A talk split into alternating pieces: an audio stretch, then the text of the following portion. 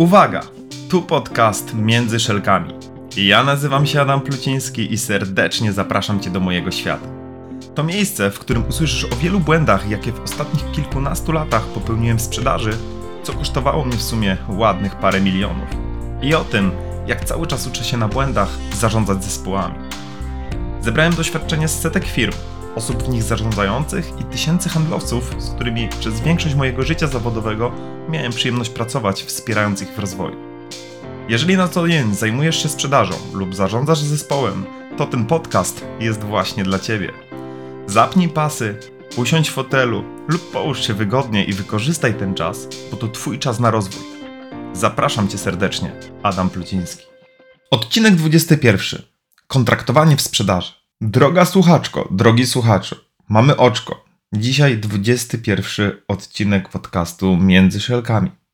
Dlaczego o tym mówię? Dlatego, że na samym wstępie powiem tak, przekroczyliśmy na YouTubie 100 subskrybentów. Tak się zastanawiałem, czy to dużo, czy mało, bo nie do końca miałem porównania, aż popełniłem taki krótki post na LinkedInie, gdzie porównałem dwa kanały.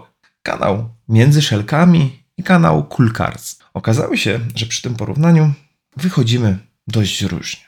Podcast Między Szelkami to 9 miesięcy publikacji średnio co dwa tygodnie. Dało nam to 20 odcinków, no 21 z odcinkiem zerowym, gdzie znajduje się masa merytorycznej wiedzy w zakresie sprzedaży i zarządzania.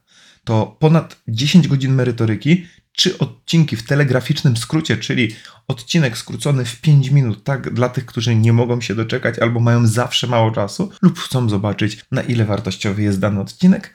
Średni czas słuchania to 5 minut 45 sekund, co dało na samym YouTubie 2385 wyświetleń i 228 godzin, przecinek 9 odsłuchu. No i tak jak powiedziałem, nie miałem porównania, więc sprawdziłem inny kanał. Kanał nazywa się Cool Cars. Tam mamy 148 tysięcy subskrybentów na YouTube, czyli jest mała różnica pomiędzy tym, co w moim podcaście.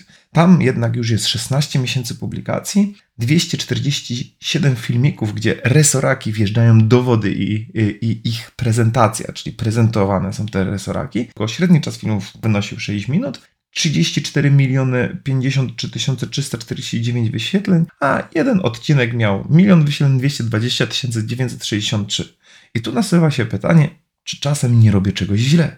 A tak poważnie, bardzo dziękuję Wam za każdą minutę. I mówię o tym, dlatego że dzisiejszy odcinek jest o kontraktowaniu. A jeżeli słuchaczu, słuchaczko, odsłuchiwaliście odcinek zerowy, tam zawarłem z Wami pewien kontrakt. Poprosiłem Was o to, że jeżeli odsłuchujecie ten podcast i wynosicie z niego coś wartościowego, to dajcie po prostu subskrypcję, dajcie lajka, skomentujcie, czy udostępnijcie ten odcinek, bo dla mnie jest to bardzo wartościowe i możliwe, że jeszcze w najbliższe 7-8 miesięcy będę w stanie dogonić profil Kulkars w ilości subskrybentów i ilości wyświetleń. Ale myślę, że to już bardzo mocno będzie uzależnione od Waszej aktywności i tego, na ile wartościowa wiedza znajduje się w tych odcinkach. No dobra, to ten odcinek poświęciłem kontraktowaniu w sprzedaży. Jeśli ktoś jest ze mną od początku, to o kontraktowaniu słyszał już wielokrotnie. Wspomniałem o nim na pewno w kilku odcinkach. O, w pierwszym odcinku o wąskich gardłach, w odcinku o 10 grzechach głównych sprzedaży, czy poszukiwane, poszukiwana, czyli momencie, w którym klient zapadł się pod ziemię po otrzymaniu oferty. Jednak mam wrażenie, że jest to na tyle ważny temat i na tyle niewyczerpany jeszcze, delikatnie mówiąc kolokwialnie, liźnięty, więc postanowiłem poświęcić temu tematowi cały odcinek. Kontraktowanie przynosi bardzo wiele wartości i korzyści, więc drogi słuchaczu, droga słuchaczko, jeśli chcesz dowiedzieć się więcej o kontraktowaniu, o tym, co ono może dać i w jaki sposób i gdzie warto kontraktować, odcinek zdecydowanie dla Ciebie. A Ty, szefie, szefowo, warto, żebyś posłuchał, posłuchała tego odcinka, żeby przekazać czy podesłać tą wartościową wiedzę swoim handlowcom czy osobom ze swojego zespołu, aby mogli lepiej realizować i kontraktować sprzedaż. Zapraszam do odsłuchania merytorycznej części odcinka. W takim razie zacznijmy od tego, czym jest kontraktowanie klienta. Kontraktowanie to ustalenie z klientem kolejnego kroku, terminu, spotkania, czasu, decyzji czy też analizy. To co ważne w tym kontraktowaniu, to to, że klient potwierdza nam termin i wywiązuje się z naszej umowy. Inaczej tak naprawdę dobrego kontraktu nie zrobiliśmy. Patrząc jeszcze z innej strony, to mechanizm, który wpływa na skrócenie procesu sprzedaży. Dlatego, że jeżeli będziemy dobrze kontraktować i w odpowiedni sposób na każdym etapie sprzedaży, okazuje się, że jesteśmy w stanie skrócić proces sprzedaży, skrócić proces decyzyjny klienta, szybciej tego klienta zamknąć. Zamknąć pozytywnie lub zamknąć negatywnie. Chociaż tak naprawdę dla mnie zamknięcie negatywne jest bardzo pozytywne. Mówiąc negatywne, mam na myśli takie, że nie kończy się ono sprzedażą. Tylko lepiej często zakończyć ten kontakt z klientem wcześniej, ten proces, który nie zakończy się sprzedażą, tylko po to, żeby nie tracić bez sensu czas na klientów, którzy nie przynoszą mi wartości. Z jednej strony to, że decyzja klienta jest negatywna i mówi, nie dzięki będziemy współpracowali z inną firmą, albo na tym etapie nie zdecydujemy się nasze, na wasze rozwiązanie, no to dużo lepiej jest zakończyć ten kontakt i wziąć swoją energię na innych klientów, którzy mogą przynieść mi konkretne pieniądze do mojego portfela i do mojej firmy. Kontraktowanie to narzędzie, które ma za zadanie też zadbać o Twój czas i czas Twojego klienta. Więc jest to narzędzie, które z jednej strony pomaga Tobie i Twojemu klientowi nie tracić czasu. I jest bardzo takim narzędziem, które z jednej strony pokazuje, drogi kliencie, ja Cię bardzo szanuję, dlatego chcę ustalić z Tobą bardzo konkretnie terminy, daty i decyzje, aby ani Ty, ani ja, żebyśmy nie tracili czasu i mogli zająć się swoimi rzeczami. Pozwala nam co więcej kontraktowanie zweryfikować pilność zakupową klienta i poziom zainteresowania tą propozycją. Z jednej strony mogę szybko dowiedzieć się, wykorzystując ten mechanizm, po co tak naprawdę klient ze mną rozmawia. Czy może po prostu potrzebuje trzeciej oferty, bo tak stanowi ISO lub standard, jaki mają w firmie, czy tak naprawdę na razie orientuje się na rynku, czy jest bardzo zainteresowany, czy chce, żeby to rozwiązanie, ta maszyna, ten projekt pojawił się u niego w ciągu najbliższych dwóch, trzech, czterech miesięcy. I to jest bardzo ważne, bo ja wtedy nie mam tak zwanych złudzeń w sprzedaży i okazuje się, że wiem więcej i wiem, dlaczego tak naprawdę mm, ten klient ze mną rozmawia i czego ja się mogę spodziewać. I na ile ta szansa sprzedaży, która się pojawia w rozmowie z klientem, jest ona ważna albo trafna, albo taka, która przyniesie mi w danym okresie czasu sprzedaż. Samo kontraktowanie pozwala szybciej wyeliminować i zakończyć działania sprzedażowe z tak zwanym nierokującym klientem. Z takim klientem, który w dużej mierze najprawdopodobniej i tak nie kupi u nas z jakiegoś powodu. Więc jeżeli kontraktujemy, jesteśmy w stanie też szybciej taki kontakt z klientem zakończyć. Zaczynając i podsumowując, jakby tego kontraktowanie ma bardzo dużo wartości.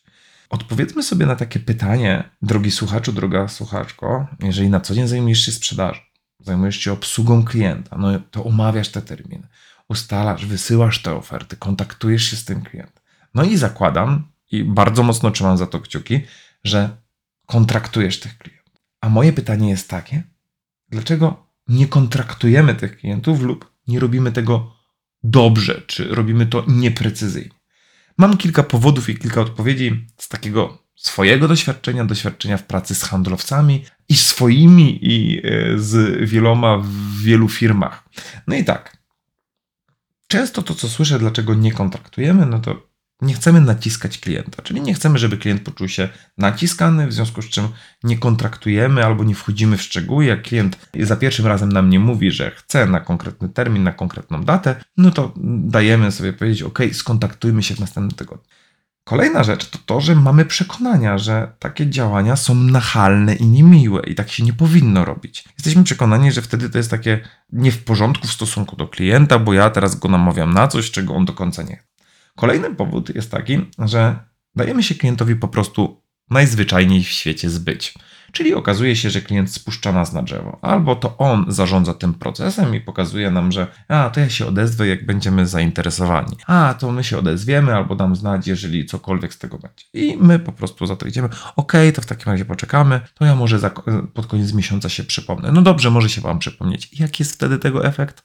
Pod koniec miesiąca nikt nie odbiera albo nikt nie odpisuje. Więc okazuje się, że tak naprawdę żyjemy pewną ułudą. Kolejny motyw, dla którego tak się dzieje, to to, że nie umiemy zadawać celowanych pytań i nie potrafimy informować o swoich intencjach, dlaczego to jest dla nas ważne, dlaczego chcemy się z tym klientem umówić. I to jest taki powód, że nie mamy tej umiejętności i kompetencji do tego, żeby kontraktować. Kolejna rzecz to mamy szereg wymówek. Przecież mamy taką inną specyfikę. U mnie nie da się do końca kontraktować, bo nie każdy klient będzie chciał. Oni pracują w różnym trybie. W naszej branży to tak jest, że klient nie jest w stanie umówić się na konkretną godzinę i dzień, no bo ma bardzo dużą zmienność pracy. Bla, bla, bla, bla, bla, bla, bla, bla, bla. I jeszcze więcej tych wymówek. Jesteśmy mistrzami w wymówkach i potrafimy to zawsze zrobić. No bo dlaczego? Bo tak nam wygodnie. I Kolejną rzeczą, która jest, dlaczego stosujemy te wymówki, dlaczego nie kontraktujemy, to to, że boimy się usłyszeć na tym etapie nie i stracić tego klienta na wcześniejszym poziomie, zanim jeszcze wejdziemy na dalsze kroki, czy będziemy w stanie kolejne spotkanie zrealizować.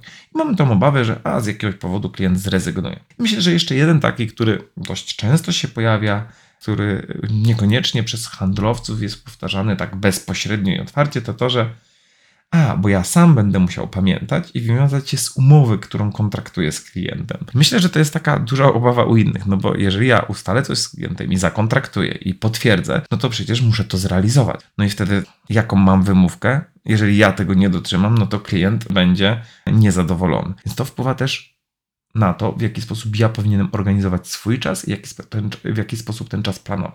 No dobra, Wiemy, czym jest kontraktowanie, wiemy, dlaczego nie kontraktujemy lub robimy to nieprecyzyjnie, więc teraz porozmawiajmy o kontraktowaniu, bo występuje ono na każdym etapie sprzedaży. W wielu elementach tego procesu sprzedaży ono powinno się przynajmniej znajdować, ale możemy właśnie je wykorzystać na różnych etapach rozmowy. Możemy je wykorzystać na początkowym etapie rozmowy, bo przecież mogę zakontraktować z klientem na przykład czas rozmowy. Drogi kliencie, dzwonię do ciebie i mam taką propozycję. Umówmy się na 3 minuty rozmowy. Jeżeli po tym czasie stwierdzi pan, pani, że to, co mam do powiedzenia, jest wartościowe, wtedy porozmawiamy dalej. Co pani na? Możemy też zakontraktować na przykład cel rozmowy.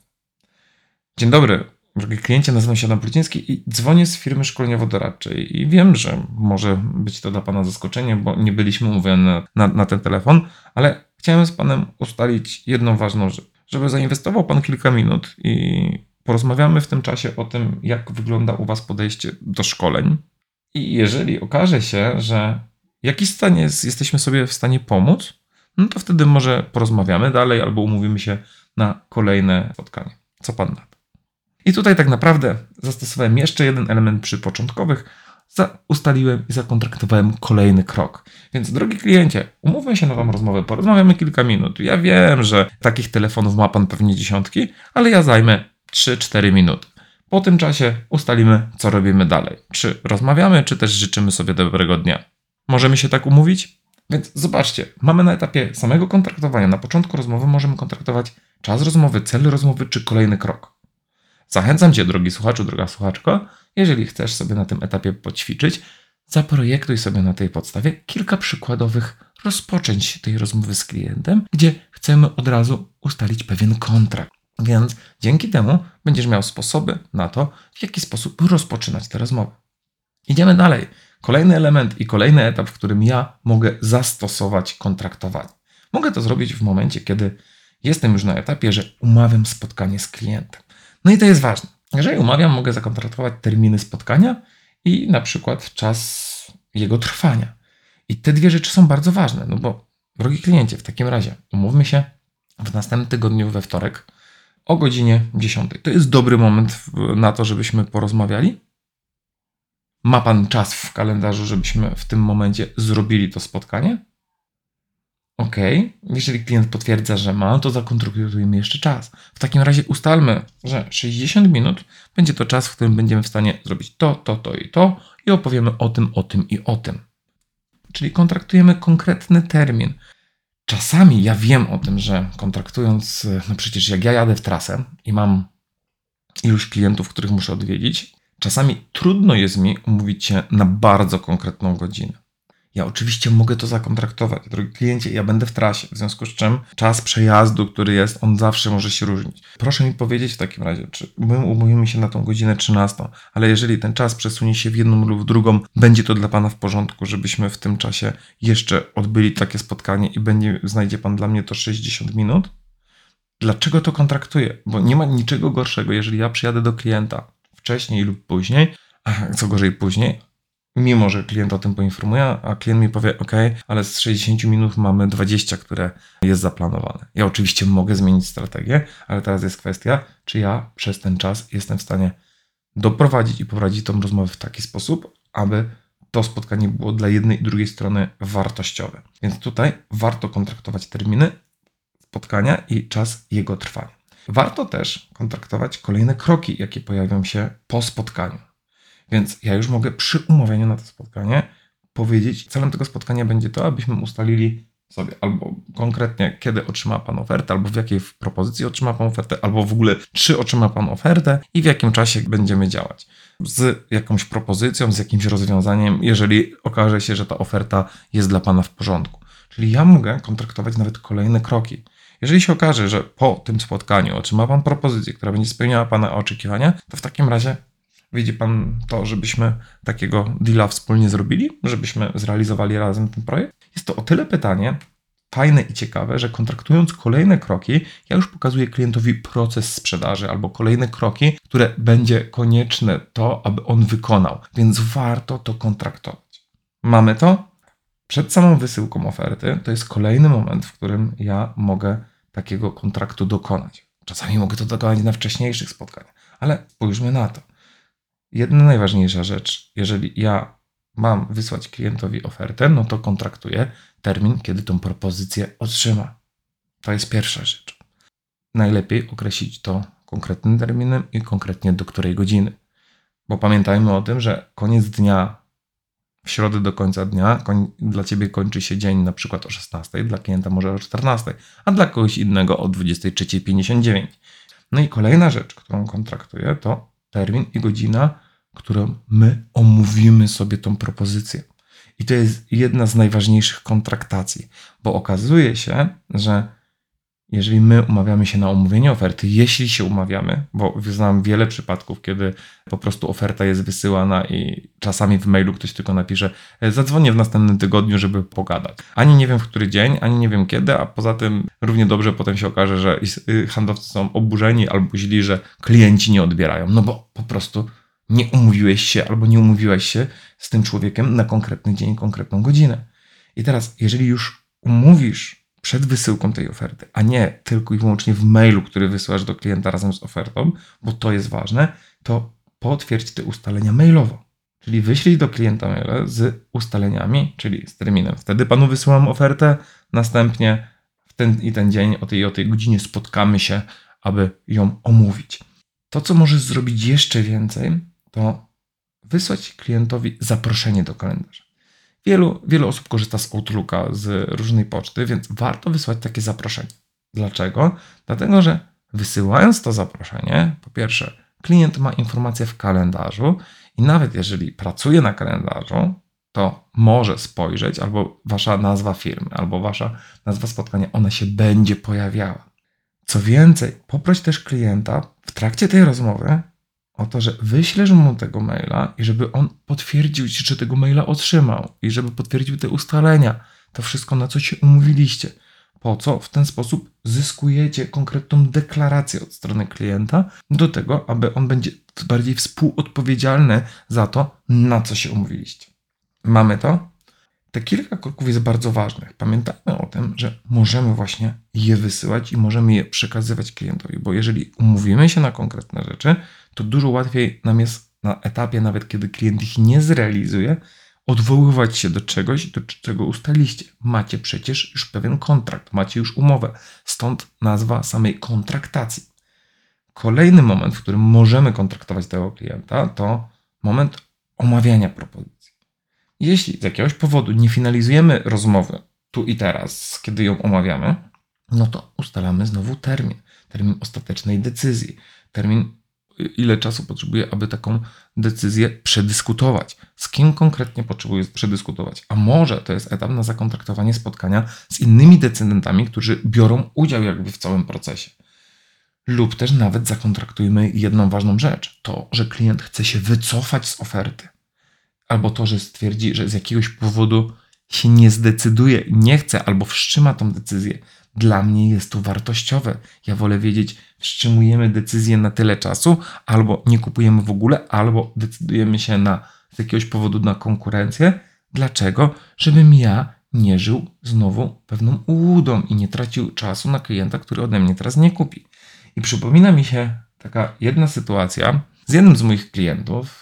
Tomku, pozdrawiam Cię bardzo serdecznie, jeżeli słuchasz tego odcinka. To była taka sytuacja, gdzie prowadzę projekt dla mojego klienta, bierze w nim udział dyrektor. W trakcie szkolenia dzwoni telefon. Oczywiście dźwięki były wyciszone, ale on dzwoni. Tomek się uśmiecha. Ja się tak pytam, mówię, Tomku, podzielisz się może jakby tą informację, co tam, kto tam dzwoni. On mówi, no dzwoni taka miła pani z firmy szkoleniowej z Wrocławia. Ja wie, ale to w sprawie tego szkolenia, które właśnie teraz realizujemy. Mówi, no tak. A ja mówię, no słuchaj, no ale to czemu jej nie powiedziałeś, że już to szkolenie się, się realizuje? A no wiesz, no, pani była taka miła, no i tak głupio było mi jej powiedzieć, albo głupio mi wtedy było jej odmówić. Dlaczego o tym mówię? Najprawdopodobniej pani z tej firmy szkoleniowej nie zakontraktowała też klienta. Okej, okay, może próbowała i się nie udało, ale zobaczcie, klient już jest dawno po decyzji zakupowej, a ona cały czas dzwoni z pytaniem o ten projekt. Ten czas mogłaby całkowicie inaczej zainwestować w pozyskiwanie klientów, których by mogła pozyskać albo którzy by rokowali. Tak naprawdę wyzwanie do klienta, który tak naprawdę już podjął decyzję na tym etapie i na tym projekcie. No i teraz kolejny moment, w którym możemy kontraktować. Jest to moment podczas negocjacji, kiedy ustalamy, kiedy będą te negocjacje, ustalamy czas, możemy ustalić warunki progowe, czyli zakontraktować, bo w jakich warunkach progowych się poruszamy. Ja tak naprawdę mogę czasami zweryfikować to na początku etapu, kiedy jeszcze do tych negocjacji nie dojdzie, sprawdzając gotowość klienta na dany budżet. Czy on tak naprawdę jest gotowy e, wejść w moje widełki, czy też nie jest gotowy, czy tak naprawdę my przeprowadzamy cały proces, a na końcu się okazuje, e, w takiej cenie to i tak nie ma szans, żebyśmy kupili. Kolejny etap to etap finalizacji. Możemy ustalić termin podpisania umowy, możemy ustalić i zakontraktować wysłanie zamówienia, płatności faktury. Tam możemy też negocjować te elementy i je kontraktować. Oczywiście chodzi o to, że czym więcej rzeczy ustalamy, czym więcej kontraktujemy, czy na czym więcej umawiamy się z klientem, tym bardziej precyzyjnie mamy możliwość zarządzania tym procesem, pokazania temu klientowi, że my mamy wszystko poukładane, że jesteśmy profesjonalni, że ustalamy pewne zasady tylko i wyłącznie po to, abyś ty, drogi kliencie, miał ten czas, miał pewność, na co się umawiamy, jak działamy i w jakich terminach będziemy się decydować. Tak już całkowicie ode mnie. Jest to bardzo wygodne i jest to bardzo, bardzo uczciwe dla mnie i dla klientów. I czasami patrząc nawet na to, że mamy różnych klientów o różnych typach i o różnych preferencjach, i zdarza się czasami tak, że klienci się denerwują na kontraktowanie albo nie chcą się kontraktować. Tylko jeżeli oni się nie chcą kontraktować, jeżeli oni nie chcą się umówić na kolejny krok, to dla ciebie, drogi handlowcu, droga handlowczyni, powinna zapalić się lampka. Jeżeli klient nie chce się umówić na omówienie oferty, nie chce ustalić konkretnego terminu, do którego podejdą, no to powinna się zapalić lampka. Dlaczego? Czy czasami to nie jest tak, że Twoja oferta jest tylko przypadkowa. Czy czasami to nie jest tak, że klient nie rozpatruje poważnie tej propozycji? Czy czasami nie jest tak, że on sobie po prostu nie bada rynku, a Ty angażujesz bardzo dużo czasu albo prób na kontakt? Mówię o tym, że to jest ten moment lampki. Jeżeli z jednej strony ja mogę bardzo mocno skrócić ten proces sprzedaży dzięki kontraktowaniu, ale jeżeli klienci nie chcą się kontraktować, to może zabrakło też intencji Czyli pokazania, drogi kliencie, dlaczego w ogóle ja chcę to zrobić? Bo szanuję Twój czas, dlaczego żebyś Ty miał więcej czasu, żebyśmy sobie bardzo otwarcie w tym handlu mówili, żebyśmy otwarcie sobie powiedzieli o tym, na jakim etapie jesteśmy i jakie szanse są na to, że Ty kliencie kupisz. Bo ja nie chcę do Ciebie dzwonić, ja nie chcę Ci zawracać głowy i nie chcę Ci co chwilę nawijać makaronu na uszy albo być odebrany jako nachalny handlowiec. Zależy mi na tym, żebyśmy otwarcie porozmawiali Dla mnie takie podejście jest dużo bardziej przekonujące. Pytanie, jakie ono jest dla ciebie. Podsumowując powoli 21 odcinek, kilka ważnych zasad, o których warto, żebyś pamiętał w kontraktowaniu. Zasada pierwsza: kontraktuj wszystko, co możliwe. Terminy, spotkania, telefony, decyzje, czas analizy i wszystko, co tylko możesz. Zasada druga: umawiaj zawsze minimum jeden krok do przodu. Lub też możesz umówić oczywiście więcej. W ten sposób informujesz klienta o procesie. Zasada trzecia: potwierdzaj ustalenia za pomocą e-maila czy też SMS-a. Potwierdzając te wiadomości, dzięki temu uzyskujesz jedną ważną rzecz. Klient tak naprawdę wie, dostaje informacje o marce i jednocześnie potwierdza Twoje informacje. Bo zasadą czwartą jest to, abyś poprosił klienta o potwierdzenie ustaleń. Jest to wezwanie takie do działania, czyli niektórzy nazywają to call to action, a ja chcę, żeby drogi klient, mój, z którym rozmawiam, zdeklarował się na to, na co się umówiliśmy. Zasada piąta. Wysyłaj przypomnienia. Jeżeli kontraktujesz terminy do przodu, to tutaj warto, żebyś pamiętał o takiej zasadzie, że warto przypomnieć dzień wcześniej, dwa dni wcześniej, aby uniknąć sytuacji, w których będzie tak, że klient nie dotrzyma ustaleń, na które się umówił. Warto te przypomnienia zakontraktować wcześniej, we wcześniejszych rozmowach z klientem. Zasada szósta. Zakontraktuj z klientem wszystkie kroki w sprzedaży. Pokaż, jak widzisz proces i zweryfikuj, czy klient się na niego zgadza, czy też w niego się wpisuje. A może będzie tak, że on pokaże trochę inną ścieżkę i będzie potrzebna Twoja elastyczność. Zasada siódma. Zacznij z klientem od wizji końca. O tym mówiłem już w jednym z odcinków, czyli zapytaj po prostu drugiego klienta, w przypadku, kiedy mówię na przykład o firmie szkoleniowej, kiedy konkretnie chce Pan, żeby ten projekt się zakończył. Co będzie tak naprawdę, co się zmieniło po takim szkoleniu, kiedy już handlowcy wrócili na, do swoich codziennych zadań. Automatycznie dokładnie tak samo robimy z tym, jeżeli sprzedajesz maszyny, jeżeli sprzedajesz ubezpieczenia. Weryfikujemy, kiedy tak naprawdę ten klient jest już użytkownikiem naszego produktu, czy też usługi. I zasada ósma podczas umawiania prześlij klientowi zaproszenie do kalendarza. Jest to mały trik, ale bardzo istotny i bardzo ważny, który może zwiększyć maksymalnie Twoje kontraktowanie. Drogi słuchaczu, droga słuchaczko, z mojej strony to już wszystko, więc tak powoli kończymy 21 odcinek podcastu. Ja bardzo dziękuję za każdą minutę, którą spędzasz zbierając wiedzę i doświadczenie, a ja zbieram je, kiedy dzielisz się ze mną komentarzami. Więc zostaw suba, zostaw lajka, zostaw ten komentarz, napisz do mnie, a ja dzięki temu będę nagrywał kolejne odcinki.